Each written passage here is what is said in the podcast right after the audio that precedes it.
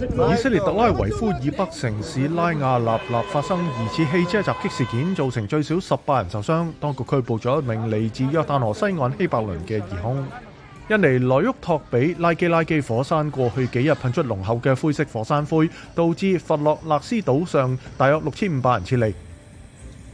哥伦比亚乔科地区发生泥石流，导致包括儿童在内嘅三十三人死亡。总统佩特罗喺星期日宣布进入自然灾害状态。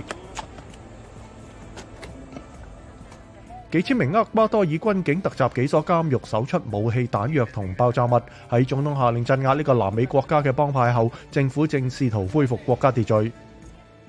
阿雷亞洛喺星期一宣布就任瓜地马拉新总统，反对者一直试图破坏佢嘅就职典礼，包括试图宣布八月嘅选举结果无效。